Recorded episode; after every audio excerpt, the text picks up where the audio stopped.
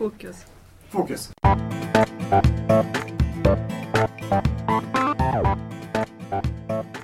Hej och välkomna till Lärpodden, en podcast i samarbete med Barn, elevhälsa, skolutveckling, Medietek Sundsvall och Skönsmåls skola.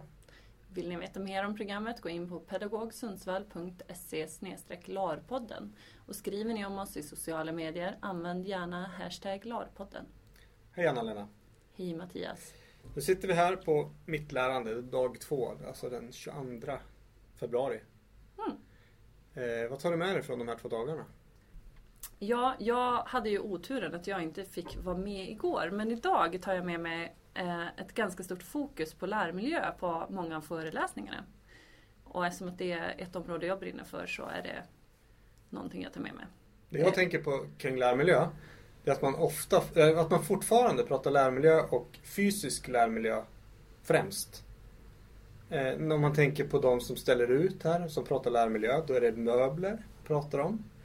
Eh, man pratar om, eh, om böcker och sånt som att det är en lärmiljö. Man pratar inte mycket om den, den sociala och den pedagogiska lärmiljön egentligen. Mm. Inte uttryckligen som lärmiljö, då, då kallar man det för någonting annat. Mm. Kan du också se de mönstren eller? Absolut. Och att, att eh, när man vill lyfta upp en lyckad lärmiljö så är det oftast att det är en fy- lyckad fysisk lärmiljö där man har möblerat på ett visst sätt eller lyckats få fram vissa aktiviteter. Och då skulle det vara intressant att, att eh, lyfta upp aspekterna på hur det sociala klimatet förändrades eller eh, vilka nya pedagogiska aspekter som man tog in i, i tänkandet runt den nya fysiska miljön. Vad tänker du att det beror på? Att, att det är den här delen som lyfts upp? Därför att den är lättast att, att eh, se och mäta skillnad på. Mm. Eh, Det är lätt att se om du flyttar ett bord vad som händer. Eller om du köper in en soffa eller liknande så är det lätt att se eh, och mäta hur förändringen sker. Liksom. Mm. Men tyvärr tror jag också ofta att man förändrar i det fysiska utan en tanke på att alla förändringar i det fysiska kräver en pedagogisk förändring. Yes. Du kan bara göra de fysiska förändringarna som din pedagogiska tanke klarar av. Mm. Så tänker jag. Eh, för att, som Magnus Blix sa, är att eh, en god lärare lyckas i alla miljöer. Men i en, i en fungerande miljö så fungerar man bättre. Alltså Mm. då är det både den fysiska miljön och den sociala miljön. kanske. Och, och att det går att göra mycket eh, med små medel. Många förändringar med små medel om man har en ped- pedagogisk tanke bakom. Yes. Ja, något som jag lyfter lite grann, eller tycker lite extra nu med, med mitt lärande i år, det är ju Share and Learn som vi, vi från BES, jag och Paul från BES har eh, arrangerat. Där vi har haft sådana här små samtal. Du har deltagit i en just kring lärmiljö. Det har vi ju pratat Mm. om förut i Lärpodden. Jag tycker det har fungerat väldigt bra. Det, det struliga med det här är att vi inte kunde få ut det livesänt TV som vi hade liksom planerat. Men, men det kommer ju sändas efter, efterhand. Mm. Har tycker du, jag att man ska gå in och kolla på för det är bra samtal. eh, på min föreläsning, som jag missade ju Share and Learn idag. På grund av att jag hade föreläsning och där pratade jag mycket systematik, eller hur vi hade utvecklat Skönsmo skola. Eh, lärmiljöerna systematiskt helt enkelt. Mm. Någonting som jag vill lyfta lite extra det är igår när jag var och kollade på förskolan. Det var Kubens förskola som pratade om sina lärmiljöer. Eh, och de har en väl utvecklad tanke kring sin lärmiljö.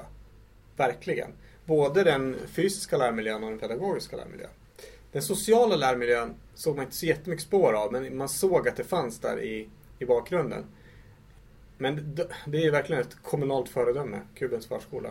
Mm. Och jag tänker att det kan vara så att man har haft väldigt mycket tankar runt den sociala men att man glömmer att lyfta upp det när man går på föreläsning. Ja. Att det här är en sak som är väldigt viktig. Det Eh, genomsyrar ändå ja. allting på något sätt. För det är ju, det är ju ändå, den, den eh, sociala eh, lärmiljön är ju, är ju grunden i vårt uppdrag som lärare. Så det är klart att alla reflekterar över den. Och alla jobbar med den. För det handlar ju om värdegrund Mm. i grund och botten. Det som vi sa efter Learn idag, efter eran, ert samtal som ni hade idag. Man kanske inte benämner det som en lärmiljö. Det, det sociala samspelet som sker i rummet. Utan man tänker att det är någonting annat. Så det är därför man inte lyfter upp det utifrån lärmiljösaspekten. Mm. Så kan det vara. Nej men det var väldigt bra. Och sen så var det ju, det är ju Payman är alltid kul att höra på. Har ni inte lyssnat på han så gör det. De har ju kommit ännu längre nu på Ådalsskolan. Mm. Kan du ta något exempel? Ja, alltså det, det blir väldigt eh, nördigt. Kanske därför jag gillar det så mycket också.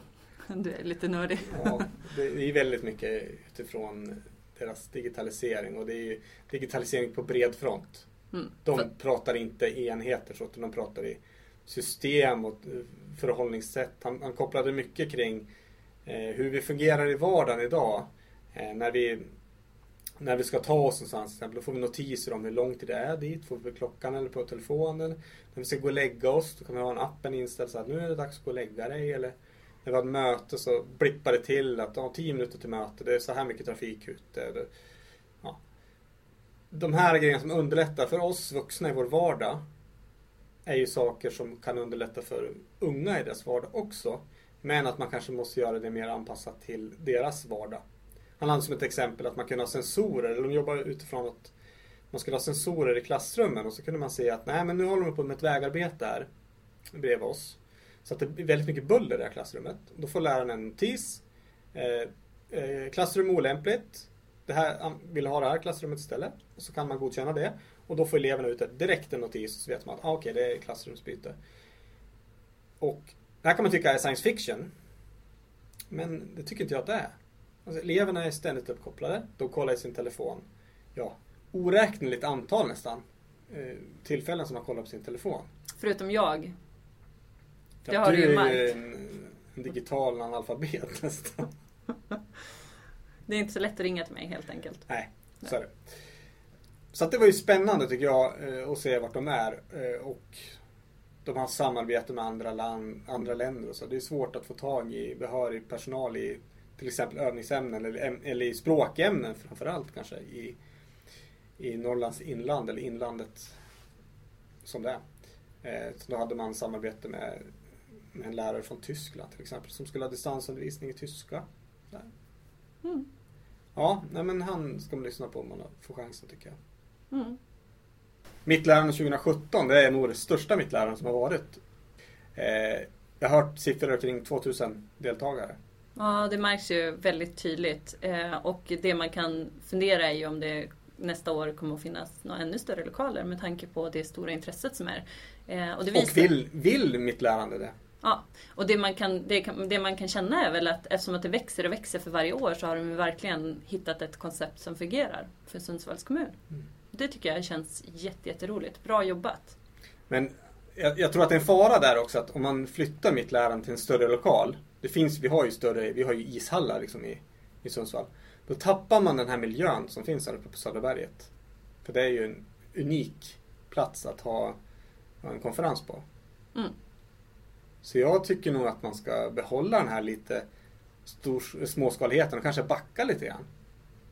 För att det är kanske lite för många här. Ja, det blir lite trångt. Jaha. Framförallt vid lunch och sånt. Men det är förståeligt om 2000 ska äta samtidigt. Ja, fast det har de ändå fått till bättre än vad det har varit förut tycker jag. Det, har inte varit samma extrema köer. Nej. Eh, så det har de gjort bra. Mm. Sen skulle ju en app underlätta avsevärt för det här mittlärande. Tänk Ja. att kunna se då att vilka föreläsningar som är inställda eller vart föreläsningen är eller Ja, till exempel lokalbyten eller liknande. exakt.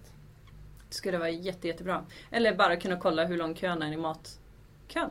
Att man kan planera sitt ätande. Ja, verkligen så. Tänk att ha det så till och med att, att det är fullt på de här parkeringarna. Mm. Eller nästa buss går den här tiden. Alltså där kan man ju jobba ut jättemycket. Ja. Och det här är kanske en tjänst som skulle vara intressant för kommunen att ha i andra sammanhang som man har mött, där man har många personer samlade. Absolut. Jag tror att det finns en stor, stor nytta med det här. Det ser man ju alla de här större, till exempel Bett och Set. Eh, har, ju, Internetdagarna. ja, har ju appar. Ja.